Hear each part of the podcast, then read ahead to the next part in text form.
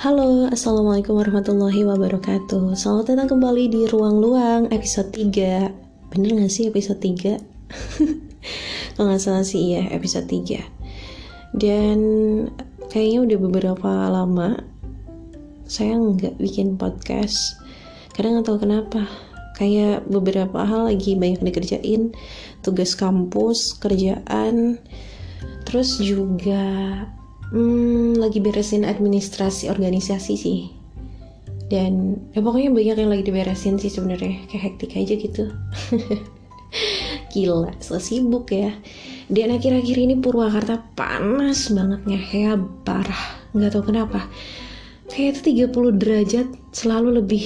32 derajat lebih bahkan sampai sempat tuh hari apa itu kayak 37 derajatan itu panas banget. Panas banget ya Allah bener-bener. Kayak keringet tuh sampai ke yang paling apa ya yang paling yang paling yang paling. Kayak keluar gitu. Karena emang bener-bener panas banget. Jadi ya memang kalau misalkan mau tidur aja se sebelumnya nggak mandi dulu itu kayaknya nggak bisa tidur deh. Karena saking panasnya gitu loh. Tapi alhamdulillah ya Alhamdulillah karena hmm, mungkin dengan cuaca panas seperti ini juga jadi keberkahan bagi banyak orang yang pasti selalu kali ya mudah-mudahan. Dan ini jam 22.44. Sejam yang lalu saya baru pulang dari kampus. Saya baru pulang dari sekretariat BEM. Saya habis kumpulan um, diskusi, sharing sama teman-teman organisasi kita sharing tentang hal-hal yang berbau keperempuanan yang berkaitan dengan organisasi itu sendiri. Dan gak tahu kenapa, tiba-tiba pas pulang, eh kayaknya seru deh kalau misalkan saya ngomongin hal-hal yang ya berkaitan dengan keperempuanan. Karena jujur aja, saya tuh di organisasi yang saya pribadi ini membentuk karakter baru membentuk sebuah kayak kalau misalkan itu tuh kayak sifat baru gitu. Nggak tahu nggak ngerti ya gimana. Tapi ada pemahaman-pemahaman yang mulai masuk yang akhirnya ya udah jadi karakter jatuhnya gitu. Apalagi tentang keperempuanan feminis dan mungkin ya ngerti lah kalau kayak gitu.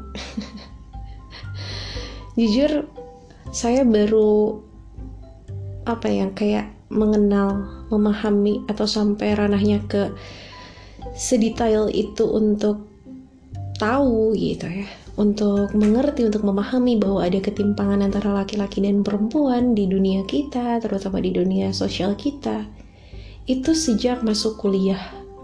Sejak kuliah, sejak masuk organisasi, baru saya ngeh terhadap hal itu sejak saya baca buku-buku yang berkaitan dengan tadi ya kan gender terus juga saya baca berita saya lihat video kemudian juga ya hal-hal lain yang berkaitan lah.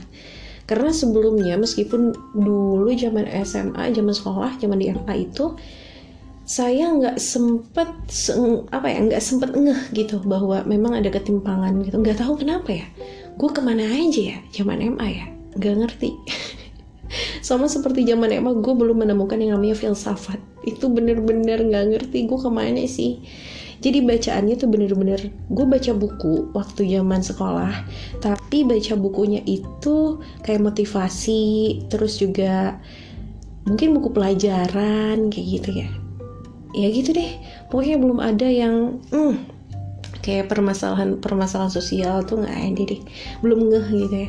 Makanya saya bersyukur banget ketika saya kuliah saya masuk organisasi kemudian juga saya melahap eh, tulisan-tulisan atau mungkin juga hasil diskusi sharing dengan banyak orang tentang ini ketimpangan antara laki-laki dan perempuan. Mungkin saya pikir ini terlalu terlambat sih untuk mengatakan bahwa saya tahu loh gitu karena ya taunya setelah benar-benar menurut saya terlambat tapi syukurlah keterlambatan itu bisa dikejar seiring dengan berjalannya waktu gitu. Dan akhirnya sekarang segala sesuatu itu pasti deh ngelihat dari sudut pandang perempuan. Jadi bukan dari sudut pandang semua orang tapi sudut pandang saya sebagai perempuan. Karena ternyata mulai ngerasa bahwa oh iya ya kalau misalkan ketika melakukan sesuatu laki-laki dan perempuan ini efeknya akan berbeda gitu. Dan timbal balik yang akan kita dapat pun pasti juga bakal berbe bakal berbeda gitu. Bagaimana perlakuan orang lain ke kita laki-laki dan perempuan juga akan berbeda. Apa pun bentuk uh, hal yang kita lakukannya gitu pasti itu kayaknya berbeda. Saya mulai menyadari itu akhirnya. Dan memang kalau berbicara soal ketimpangan dari entah itu dari faham ya kan? Atau pemahaman kemudian juga dari secara aksinya alias secara perlakuan.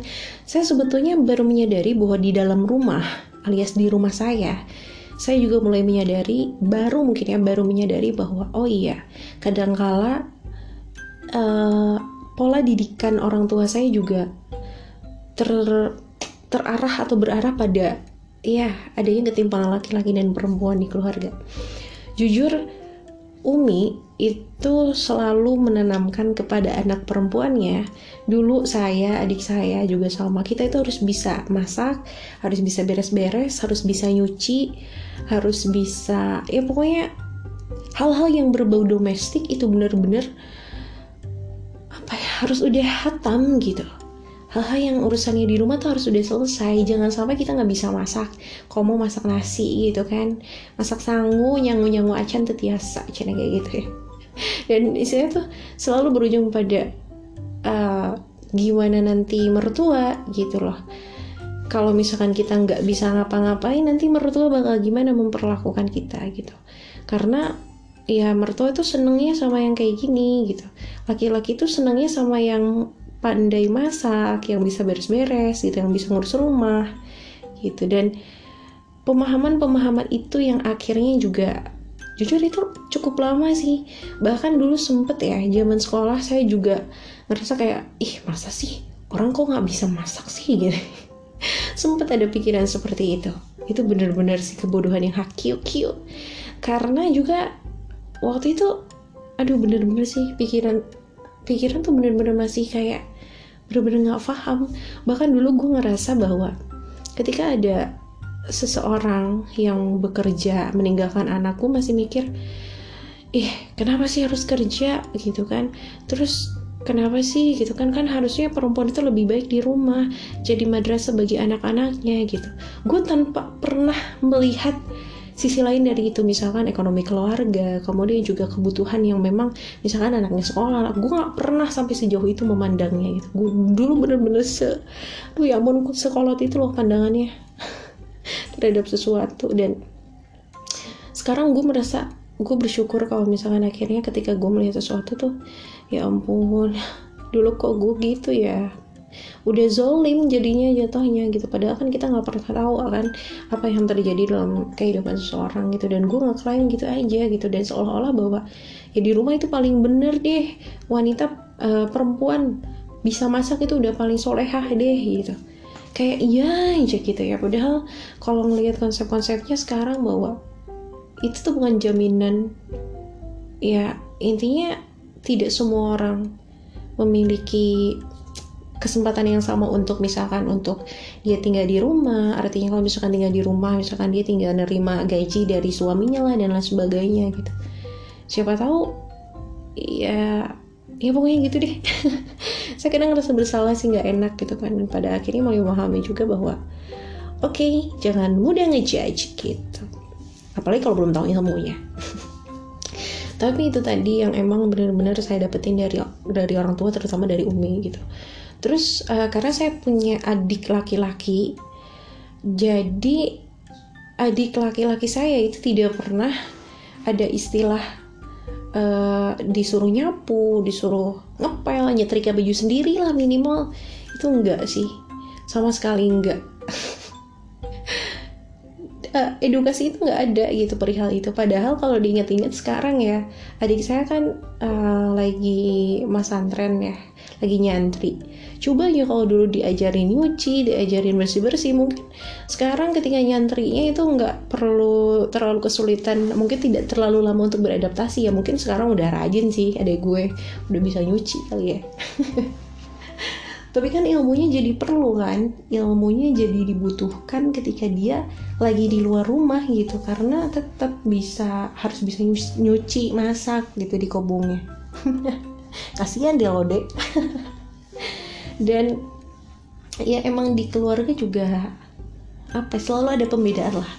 Pembedaan ya bukan perbedaan. Perbedaan dan pembedaan itu beda banget soalnya. Jadi selalu aja ada pembedaan yang bikin gue kalau sekarang kayak ngelus dada gitu loh. Aduh aduh gitu. Tapi gue nggak pernah ngerasa sedih gue nggak pernah ngerasa marah dengan pola didikan orang tua karena ya gue ngerasa bahwa dulu tuh bener aja gitu ya. Dan ya kebukti gitu kalau misalkan dulu gue nggak pernah belajar ini itu. Sekarang mungkin dengan keadaan gue jauh dari rumah gue harus nggak bisa kalau misalkan gue nggak bisa nyuci gue harus ke laundry ya ngeluarin duit dong. Kok gue nggak bisa mikir tentang masak masak masak ya gue harus beli terus makannya atau hal-hal lain lah yang berbau hal-hal yang berkaitan dengan rumah gitu dan pekerjaan perempuan. Pekerjaan perempuan maksudnya pekerjaan yang berkaitan dengan rumah yang sering kali dikaitkan dengan perempuan gitu. Gue akhirnya bersyukur bahwa hal-hal tersebut bukan persoalan itu benar-benar harus gue lakuin tapi ketika situasi gue tidak memungkinkan untuk dilakukan oleh orang lain karena misalkan minim di budget ya udah gue bisa ngelakuin itu dengan sangat legowo banget gitu jadi gue bersyukur bahwa ya kemarin tuh adalah fase di mana gue belajar sih. Dan akhirnya gue bisa memahami hal yang mungkin lebih positif gitu ya. Dalam pandangan gue nggak berpikir bahwa itu tuh ya ya pokoknya intinya gue bersyukur sih dan sangat bahagia. Terima kasih Umi gitu. Tapi hal yang membuat gue merasa gue itu PR adalah gue mulai menunjukkan kepada diri gue sendiri bahwa gue tuh lebih respect sama laki-laki yang mandiri respect sama laki-laki yang sangat menghargai pekerjaan yang dilakukan oleh orang tuanya di rumah gitu. Gue respect banget sama mereka dan gue sempet bilang nih ke Umi jadi gue tuh pengen deh ada gue tuh belajar kalau misalkan di rumah itu coba bantuin gitu maksudnya. Jangan cuman karena dia laki-laki karena di rumah gue tuh udah nggak ada cewek sekarang ada ada gue jauh dari rumah kan.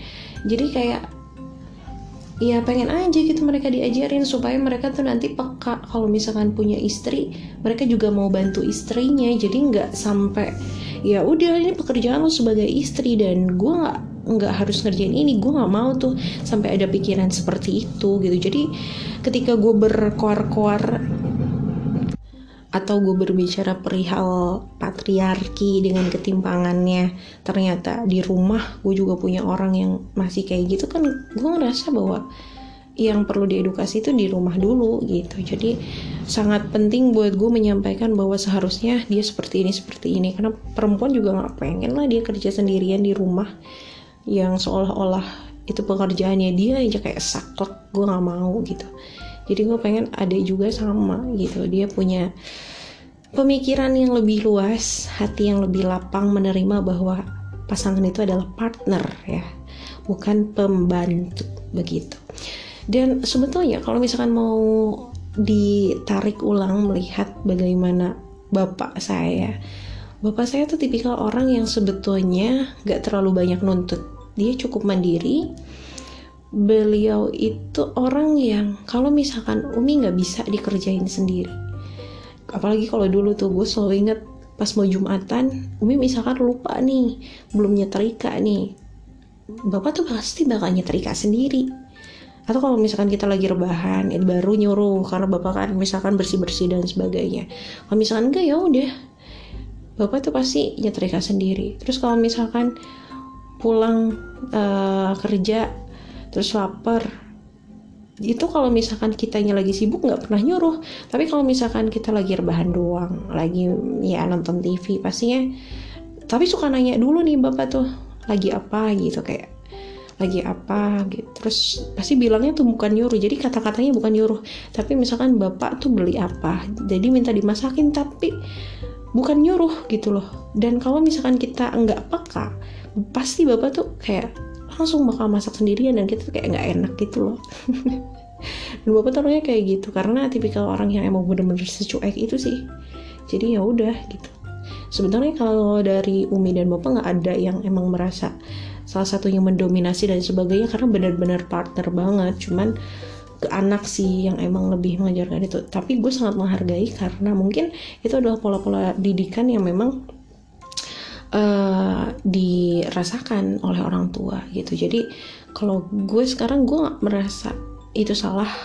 Gue selalu merasa bahwa itu selalu benar untuk orang tua gitu. Tapi ketika gue sudah mulai memahami gue juga merubahnya bukan dalam acara misalkan gue ngomong Mi sebenarnya yang benar tuh enggak sih tapi lebih kepada tetap melakukan apa yang memang kalau misalkan menurut orang tua itu benar tapi gue memberikan pengertian lah bahwa ini ini. Karena Umi itu orangnya cukup terbuka. Jadi kalau misalkan ngobrol ini ternyata ini ini ini gitu. Jadi Umi juga cukup terbuka terhadap itu asal mungkin dalilnya kuat gitu. Jadi ya jadi ya oke okay, gampang diterima gitu.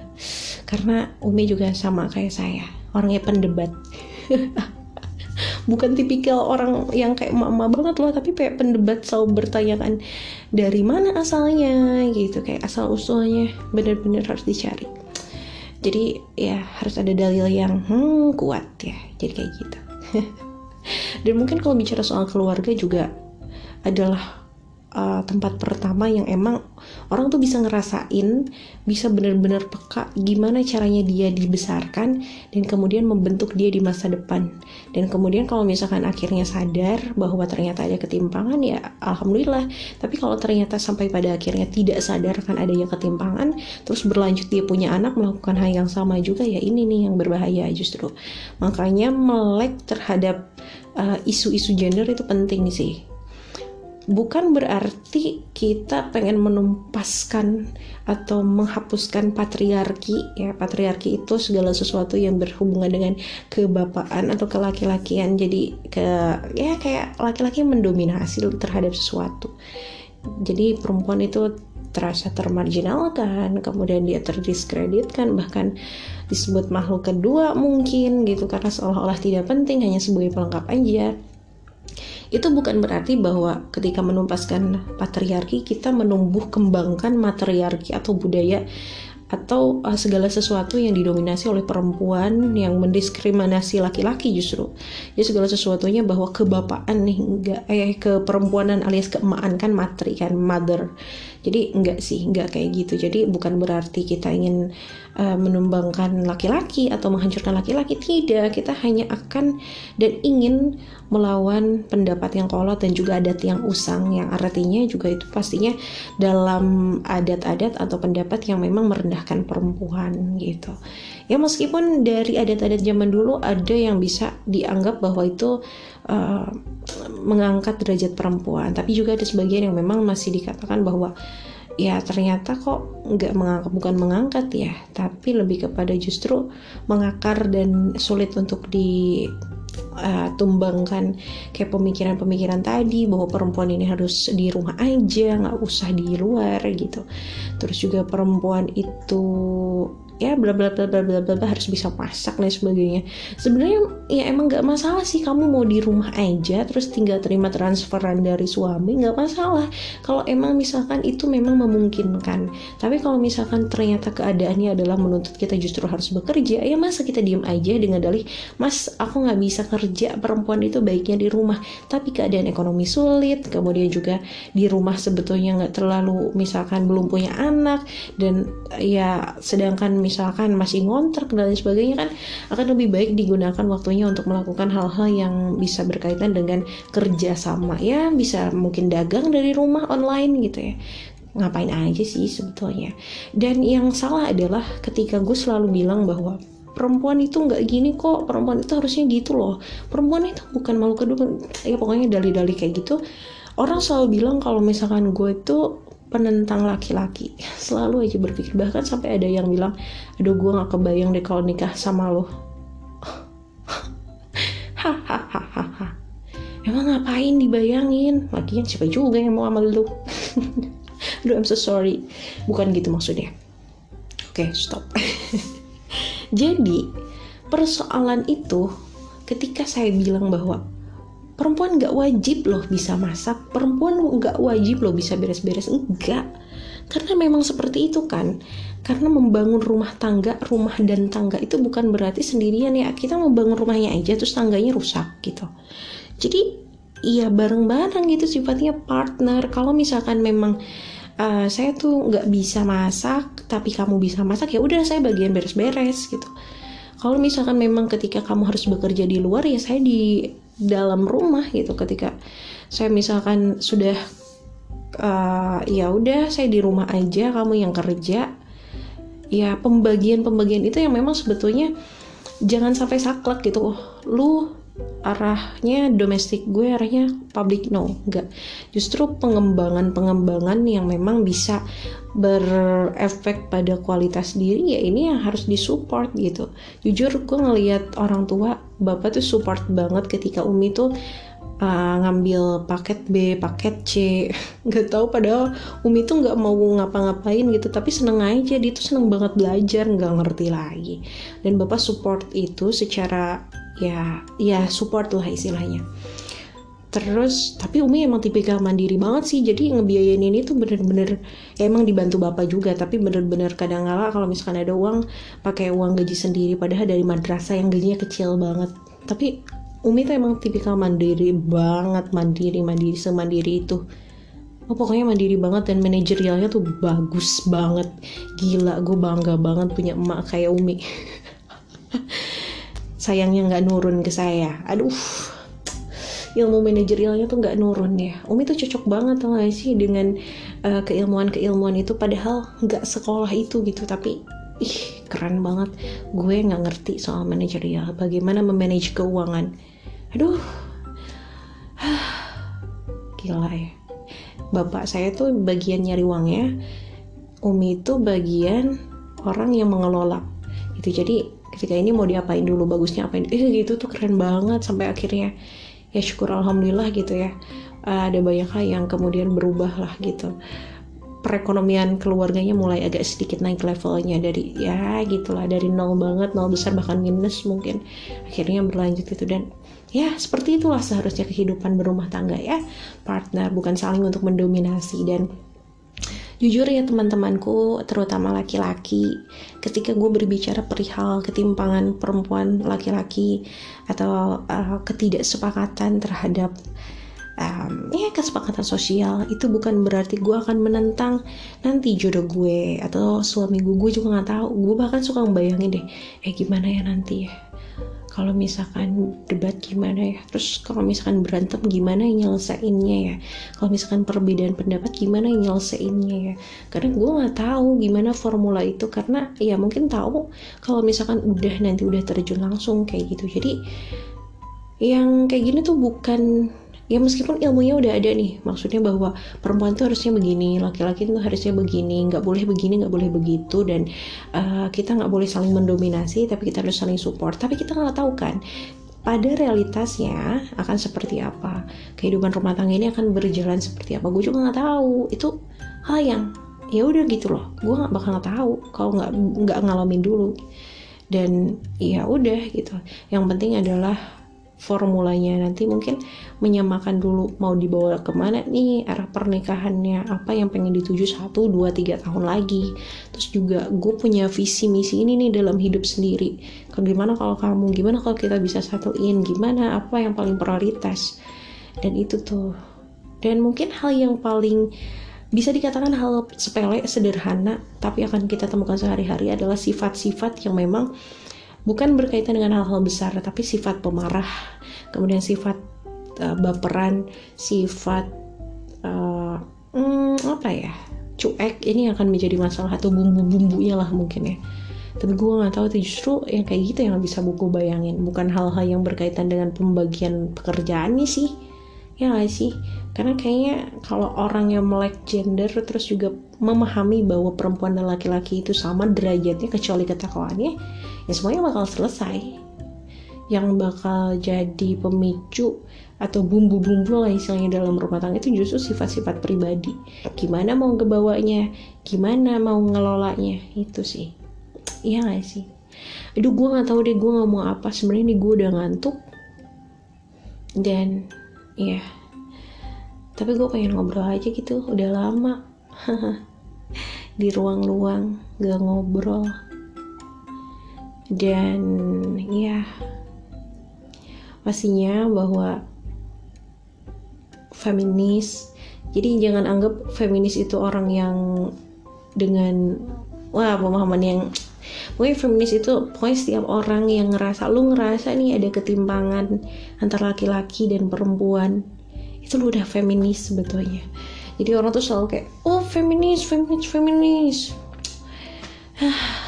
kayak seolah-olah mengkafir-kafirkan. Enggak lah pokoknya yang terpenting adalah yang lu sadar kalau ada ketimpangan antara laki-laki dan perempuan dan pengen banget ngerubah itu ya you are feminist. Gitu guys. Tapi ya mau feminis atau enggak sebenarnya Islam udah selesai ya tentang pertentangan itu gitu. Yang salah sih biasanya adat sih. Jadi ya adat-adat yang dibawa oleh nenek moyang yang emang sebetulnya ngerusak tuh. Jadi yang tetap kayak mengakar aja kita juga seolah-olah mempercayai hal-hal tersebut gitu. Dan yang paling sedih adalah menganggap bahwa itu datangnya dari agama. Padahal nggak ada loh ayat Al-Qurannya mana coba? Ya kan? Ada. Sebegitu mulianya perempuan. Sama aja sebetulnya kita juga manusia. Jadi jangan sampai anggap kita sebagai orang yang tidak layak untuk dimanusiakan karena kita juga sama-sama manusia. Jadi ngapain dibeda-bedain? Duh gue gak tau dia udah, udah ngomong apa. Tapi terima kasih buat yang sudah berkenan dengar. Thank you so much. Dan sampai jumpa di episode ruang-luang selanjutnya. Semoga tidurnya nyenyak Yang hari ini mau tidur Yang sedang bekerja Selamat bekerja. Yang hari ini lagi sa lagi sayang. Sayang lagi sayang-sayangnya. Ditinggal pas lagi sayang-sayangnya. Juga sabar. Yang hari ini lagi rindu. Aduh gue rindu banget sih. Rindu gajian. Hmm baik. Oke deh pokoknya see you see you see you see you selamat menikmati hari-hari anda. Salam bahagia. Jangan lupa bahagia. Wassalamualaikum warahmatullahi wabarakatuh. Bye